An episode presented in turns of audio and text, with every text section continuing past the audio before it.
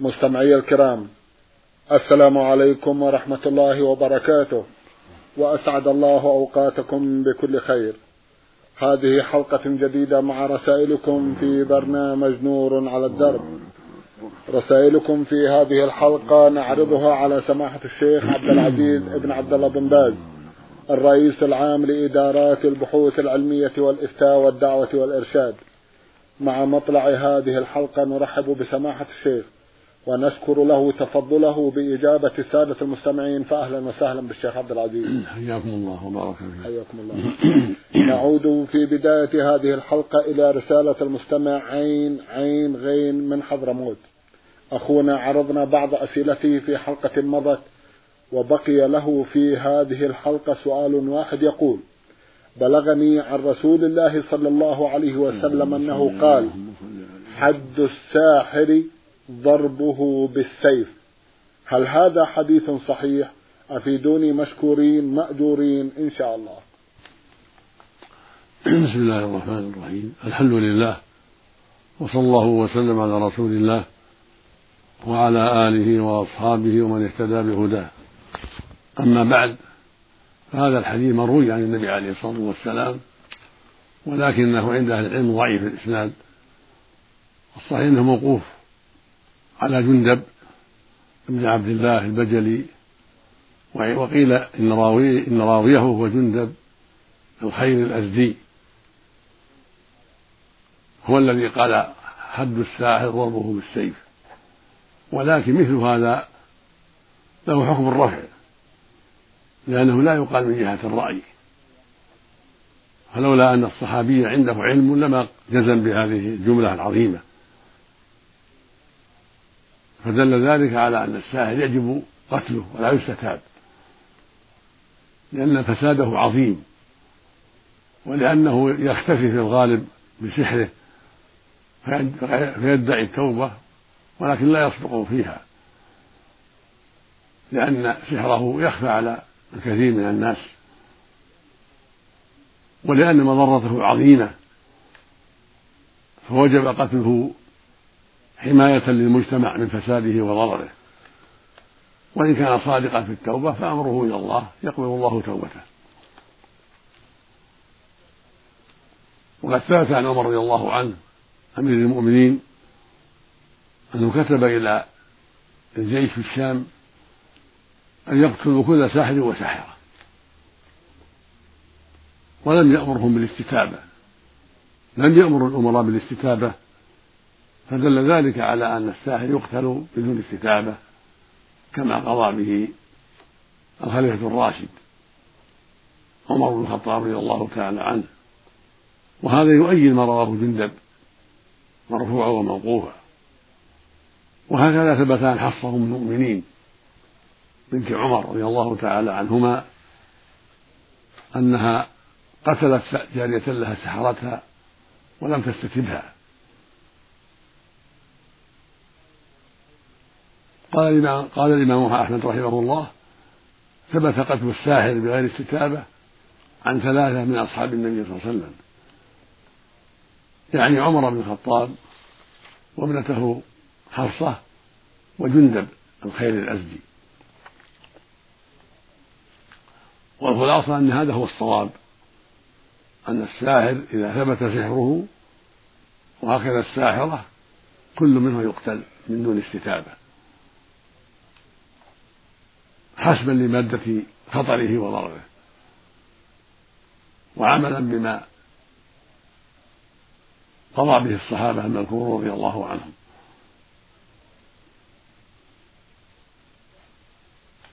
والساحر أخطاره عظيمة. فقد يتعاطى ما يحصل به موت الإنسان قد يتعاطى ما يفرق بينه وبين زوجته. قد يتعاطى أشياء تضر الإنسان ضررا بينا فأضراره كثيرة وشروره عظيمة. وهو كافر كما قال الله جل وعلا عن الملكين وما يعلمان من أحد حتى يقولا إنما نفتة فلا تكفر فدل ذلك على أن الساحر يكفر من تتعلم السحر أو عمل به كفر. والله جل وعلا ولي التوفيق نعم. جزاكم الله خيرا. رسالة وصلت إلى البرنامج من الرياض. بعثت بها إحدى الأخوات المستمعات رمزت إلى اسمها بالحروف ميم جيم ميم. تقول أنا امرأة مصابة بالعين منذ ست سنوات ولم يفد معي أي علاج. والآن أخبرتني امرأة برجل لديه بعض العلاج وأنا أتعالج عنده دون علم لزوجي. فما رأي سماحتكم في من يستعمل القراية وفيها استعمال فتش الكتاب ويحتوي هذا الكتاب على جمع الجن وتفريقهم. إذا من أين هذا المرض؟ هكذا تقول في رسالتها سماحة الشيخ.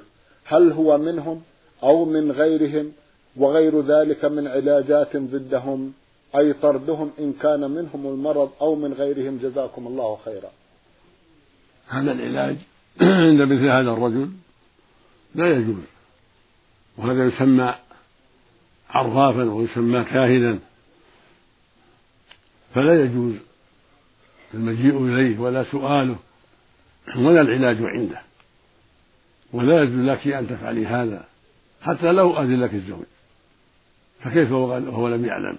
هذا لا يجوز لك أبدا. حتى لو قال لك الزوج لم تجوز لك طاعته فيما حرم الله. وقد قال النبي صلى الله عليه وسلم من أتى عرافا فسأله عن شيء لم تقبل له صلاة أربعين ليلة. رواه مسلم في الصحيح. وقال عليه الصلاة والسلام من أتى كاهنا فصدقه بما يقول فقد كفر بما أنزل على محمد عليه الصلاة والسلام. ولما سئل عن العرافين وكان قال لا تأتوهم. فالواجب عليك التوبة إلى الله. والعدم وعدم المجيء إليه لأنه بهذا العمل كاهن يستعين بالجن ويعبدهم من دون الله فإنهم لا ينفعونه ولا يطيعونه إلا إذا تقرب إليهم بالذبح لهم أو النذر لهم أو دعائهم والاستغاثة بهم أو نحو ذلك وهذا من الشرك الأكبر. فليس لك أن تعالجي عند هذا وأمثاله. وعليك التوبة إلى الله سبحانه وتعالى وسؤاله جل وعلا أن يشفيك مما أصابك ولا مانع من العلاج عند الأطباء المعروفين وعند الأخيار من الناس الذين يقرؤون عليك وينفثون عليك بالآيات القرآنية والدعوات النبوية. وإذا تيسر امرأة صالحة ذات علم تقرأ عليك نفعت إن شاء الله. فإذا لم تيسر رجل صالح يقرأ عليك وينفث عليك ولكن لا يخلو بك بل يقرأ عليك وعندك زوجك أو أمك أو أختك ونحو ذلك. هي الخلوة لا تجوز لا يجوز للرجل أن يخلو بالمرأة الأجنبية التي ليست محرما له أو يقرأ لك في ماء وتشربينه أو تروشين به. كل هذا لا بأس به الحمد لله. وإذا عرفتم من يتهم بالعين تتصلون به وتطلبون منه أن يغسل لكم يغسل وجهه ويديه ويتمضمض في الماء ثم تروشين به وينفع بإذن الله. وقد قال عليه الصلاة والسلام العين حق. وإذا استغسلتم فاغسلوا. يعني إذا قيل لمن يتهم بالنظرة بالعين اغسل لنا وجهك ويديك. فلا يمتنع يغتسل يغسل لهم أطرافه. وذلك ينفع بإذن الله إذا صب على المعين. كما أمر بذلك النبي عليه الصلاة والسلام. وأما إتيان الكهان والمنجمين ومن يستخدم الجن فلا يجوز أبدا. لا من جهة العين ولا من جهة غيرها من الأمراض. نعم.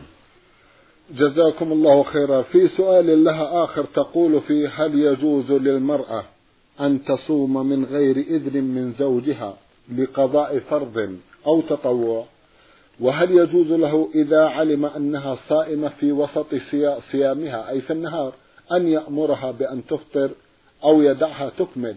وهل يجوز صيامها وهو غير راض وغاضب عليها إذا أصرت أن تصوم؟ أما صوم الفرض كقضاء رمضان هذا ليس له منعها ويجب عليه تمكينها وليس لها طاعة في ذلك لو منعها عليها القضاء لأن الله جل وعلا أمرها بالقضاء وهكذا الرسول صلى الله عليه وسلم وقد أجمع المسلمون على أنه يجب على المرأة إذا أفطر في رمضان بسبب الحيض والنفاس أن تقضي وليس للزوج يمنعها من ذلك. وأما التطوع فإن كان غائبا لا بأس وإن كان شاهدا فلا تصوم إلا بإذنه. لقول النبي صلى الله عليه وسلم لا تصوم لا تصومن امرأة وزوجها حاضر إلا بإذنه. فإذا كان زوجك حاضرا فليس لك الصوم إلا بإذنه. يعني صوم التطوع كالخميس أو الاثنين أو ست من شوال أو صيام ثلاثة أيام من كل شهر ونحو ذلك. لا بد من إذنه. فإن أذن لك وإلا فلا تصومي. أما إن كان غائبا مسافرا فلا بأس أن تصومي حال غيبته ولو بغير إذنه لأنه حينئذ لا يتضرر بذلك وليس عليه حرج من ذلك. بخلاف حضوره فإن قد يمنعه من بعض حاجاته. والخلاصة أنه لا يجوز لك الصوم بحضوره إذا كان الصوم تطوع إلا بإذنه. أما في حال الغيبة فلا بأس. أما قضاء رمضان فالواجب عليك صومه وإن لم يأذن. لكن الكلام مع في ذلك واستسماحه حتى يأذن لك في تعجيل الصوم كلام حسن كلام طيب. لأن الإنسان لا يدري هل تطول حياته أم لا فإذا بادرت بالصوم وسارعت بالصوم فهو أحوط لك وليس له منعك من ذلك. يعني قضى ما عليك من رمضان. نعم. جزاكم الله خيرا. المستمع محمد منير باكستاني من باكستان ويعمل في المملكة الجلة بعث برسالة يقول فيها رجل رضع ثدي جدته مع ابنها وعمره سنة أي أنه في سن الرضاع. واستمر هذا الرضاع سنة. ثم بعد ذلك تزوج من ابنة عمه. يقول نعم. رجل رضع ثدي جدته مع ابنها وعمره سنة. أي أنه في سن الرضاع واستمر هذا الرضاع سنة ثم بعد ذلك تزوج من ابنة عمه فهل صار هذا الرجل أخا لعمه لعمه من الرضاع أم لا؟ وإذا كان أخا لعمه هل يجوز زواجه من ابنة عمه؟ لقد أفتى بعض العلماء بعدم صحة هذا الزواج ثم أفتاه أحدهم بصحة هذا الزواج علما بأن له من ابنة عمه أربعة أو خمسة أولاد. أرجو الإفادة هل هذا الزواج صحيح أم لا؟ وإذا كان غير صحيح فما هو المترتب على ذلك؟ وما هو وضع الأولاد؟ أفيدونا جزاكم الله خيرا. إذا كان الرضاع ثابتا بإقرار الجدة وهي ثقة أو بشهادة بعض الثقات أنها أرضعته خمس مرات فأكثر ولو كان أقل من السنة خمس مرات فأكثر تكفي فإنه يكون ولدا لها ويكون أخا لأبيه إذا كانت أم أبيه يكون أخا لأبيه ويكون أخا لأعمامه وتكون بنت عمه بنت أخيه. ليس له زواجها لأن العم صار أخا والأب صار أخا. فيكون النكاح باطلا من ابنة عم لأنها ابنة أخيه من الرضاعة. قد ثبت عن الرسول صلى الله عليه وسلم أنه قيل له ألا تنكح ابنة حمزة؟ قال إنها لا تحل لي إنها ابنة أخي من الرضاعة. فيحرم من الرضاعة ما يحرم من النسب. فالخلاصة أن هذا الرجل الذي نكح ابنة عمه وقد ثبت الرضاع من جدته له أن أن نكاحه باطل. وأولاده تبع له لأجل شبهة النكاح الذي غلطوا فيه. أولاده ينسبون إليه والحمد لله. ولكن يجب يجب عليه مفارقتها وعدم اتصاله بها. وأن يثبت ذلك عند المحكمة حتى تتزوج من شاءت بعد العدة. إذا كان الرضاع ثابتا بإقرار المرأة وهي ثقة من جدة أو بشاهد ثقة وامرأة ثقة. تعرف ذلك وتضبط ذلك أنها أرضعته سنة أو أقل من ذلك والمطلوب خمس رضعات. متى أرضعته خمس رضعات فأكثر كفى. لقول النبي صلى الله عليه وسلم لأسماء بنت عميس لزوجة أبي حذيفة أرضعي سالما خمس رضعات تحرمي عليه. وهي سهلة بنت سهيل بن عمرو. قال لها أرضعي سالما خمس رضعات تحرمي عليه. وفي صحيح مسلم عن عائشة رضي الله عنها قالت كان فيما أنزل من القرآن عشر رضعات معلومات يحرمنا ثم نسخنا بخمس معلومات. فتوفي النبي صلى الله عليه وسلم وهي فيما يقرأ من القرآن. وفي رواية الترمذي رحمه الله والأمر على ذلك. هذا يدل على أن الخمس كافية. لقوله لقول عائشة رضي الله عنها كان فيما أنزل من القرآن عشر رضعات معلومات يحرمنا. ثم نسخنا بخمس معلومات. يعني اكتفي بخمس بدل العشر. فتوفي النبي صلى الله عليه وسلم والأمر على ذلك يعني والأمر والعمل على الاكتفاء بالخمس وفي رواية مسلم وهي فيما يقرأ من القرآن يعني أن نسخ لفظها وبقي حكمها. فالواجب على هذا الرجل ما دام الرضاع ثابتا أن يفارق ابنة عمه لأنها صارت ابنة أخيه وأولاده منها تابعون له من أجل شبهة النكاح. ونسأل الله أن يعوض كل واحد خيرا من صاحبه وأن يوفق الجميع لما يرضيه. وإذا كان لم يتعمد بل عن جهل فنسأل الله أن يعفو عنهما. اللهم آمين. نعم. جزاكم الله خيرا. الرسالة التالية رسالة وصلت إلى البرنامج من أحد الإخوة المستمعين. يقول أنا عبد الله إبراهيم من الجمهورية العربية اليمنية مقيم في المملكة في وادي فاطمة الجموم. وأنا من أحد المستمعين للبرنامج وقد أفادني كثيرا في أمور ديني ودنياي. لدي أسئلة. بعضها يقول هل يجوز الإنفاق على المرأة التي لا تصلي ولا تصوم سواء كانت من القرابة أو من غيرهم؟ هذه يجب أن تدعى إلى الله وأن تعلم وتنصح وتوجه إلى الخير لأن ترك الصلاة جريمة عظيمة. بل كفر بالله نعوذ بالله من ذلك. فالواجب على وليها كأبيها أو أخيها أو عمها ونحوهم أن يعلموها ويرشدوها ويفقهوها حتى تصلي. أما الإنفاق عليها فينفق عليها. إذا كانت فقيرة ينفق على أن الله يهديها حتى تهتدي أو تقتل. إذا لم تهتدي يرفع بأمرها إلى المحكمة والمحكمة تستتيبها فإن تابت وإلا قتلت. لأن ترك الصلاة جريمة عظيمة.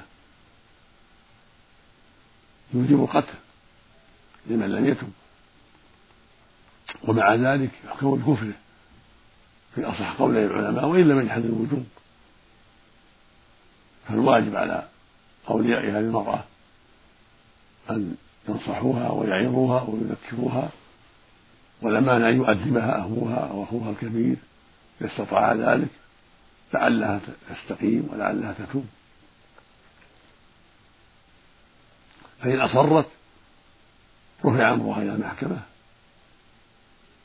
والواجب على القاضي أن يستتيبها ويمهلها ثلاثا فإن تابت وإلا وجب قتلها إذا كانت مكلفة.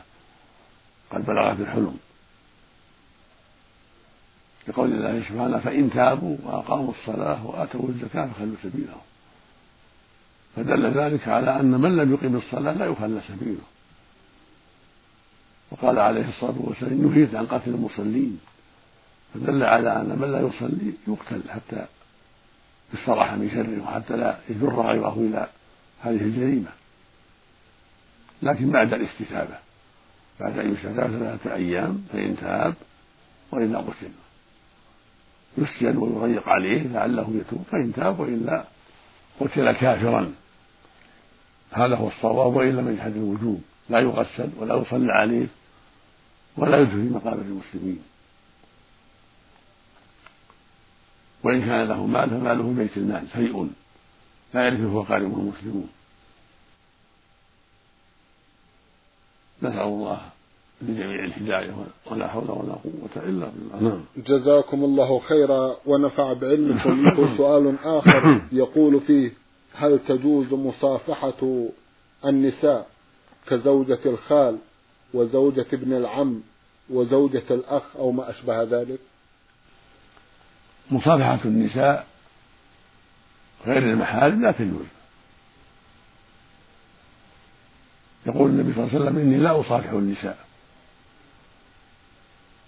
وقالت عائشة رضي الله عنها والله ما مست يد رسول الله يد امرأة قط. ما كان يبايعهن إلا بكلام الرسول صلى الله عليه وسلم ما كان يصافح النساء. وعند البيعة ما كان يمد يده إليهن. إنما كان يبايعهن بالكلام. يقول بايعتك على كذا وكذا على أن تعبد الله إلى آخره. يبايعها على توحيد الله واتباع الرسول صلى الله عليه وسلم كما ذكر في آخر سورة الممتحنة. وما كان يصافحهن عليه الصلاة والسلام. ولأن المصافحة فيها خطر. حتى قال بعض أهل العلم إنها أضر من النظر وأخطر من النظر. بما في المس من التلذذ والفتنة.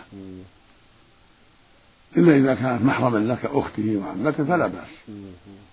أما زوجة أخيه أو زوجة عمه أو زوجة ابن أخيه أو زوجة خاله كل هؤلاء ليسوا كل هؤلاء كل هؤلاء لسنا محارم له بل أجنبيات.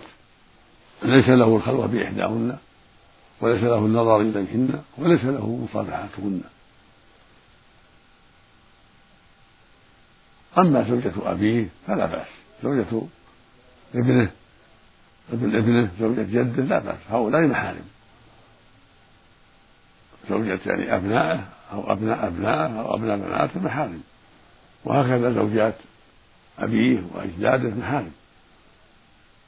لأن الله يقول سبحانه ولا تنكحوا ما نكح آباؤكم من النساء. ويقول سبحانه في محرمات وحلائل وأبنائكم الذين أصلابكم. يعني غير الأدعياء تحرز من الأدعياء لأن كان لأن العرب كانت تتبنى بعض الناس. كان العرب يتبنون بعض الرجال وبعض البنات يقول هذا ولدي ويربيه وينسبوه إليه ويسمونه الولد بالتبني كما كان النبي صلى الله عليه وسلم تبنى زيد بن حارثة وكان يدعى زيد بن محمد. فلما أنزل الله ادعوهم لآبائهم دعي إلى أبيه زيد بن حارثة فهكذا يجب أن لا يتبنى أحد أحدا بل كل واحد يدعى إلى أبيه. فقوله من أصلابهم ذكر علماء التفسير أنه تحرز من الأدعياء. أما ولده من أما ابنه من الرضاعة فهو كالنسب. فزوجة ابنه من الرضاعة محرم كابنه من النسب. وهكذا أبوه من الرضاعة زوجته محرم كأبيه من النسب. لقوله صلى الله عليه وسلم يحرم من الرضاعة ما يحرم من النسب. نعم. جزاكم الله خيرا. يقول في في سؤال له أيضا بعض الأئمة يقرؤون قصار السور ويقتصرون على ذلك في صلاة التراويح ولا يختمون القرآن إطلاقا. ما حكم هذا العمل؟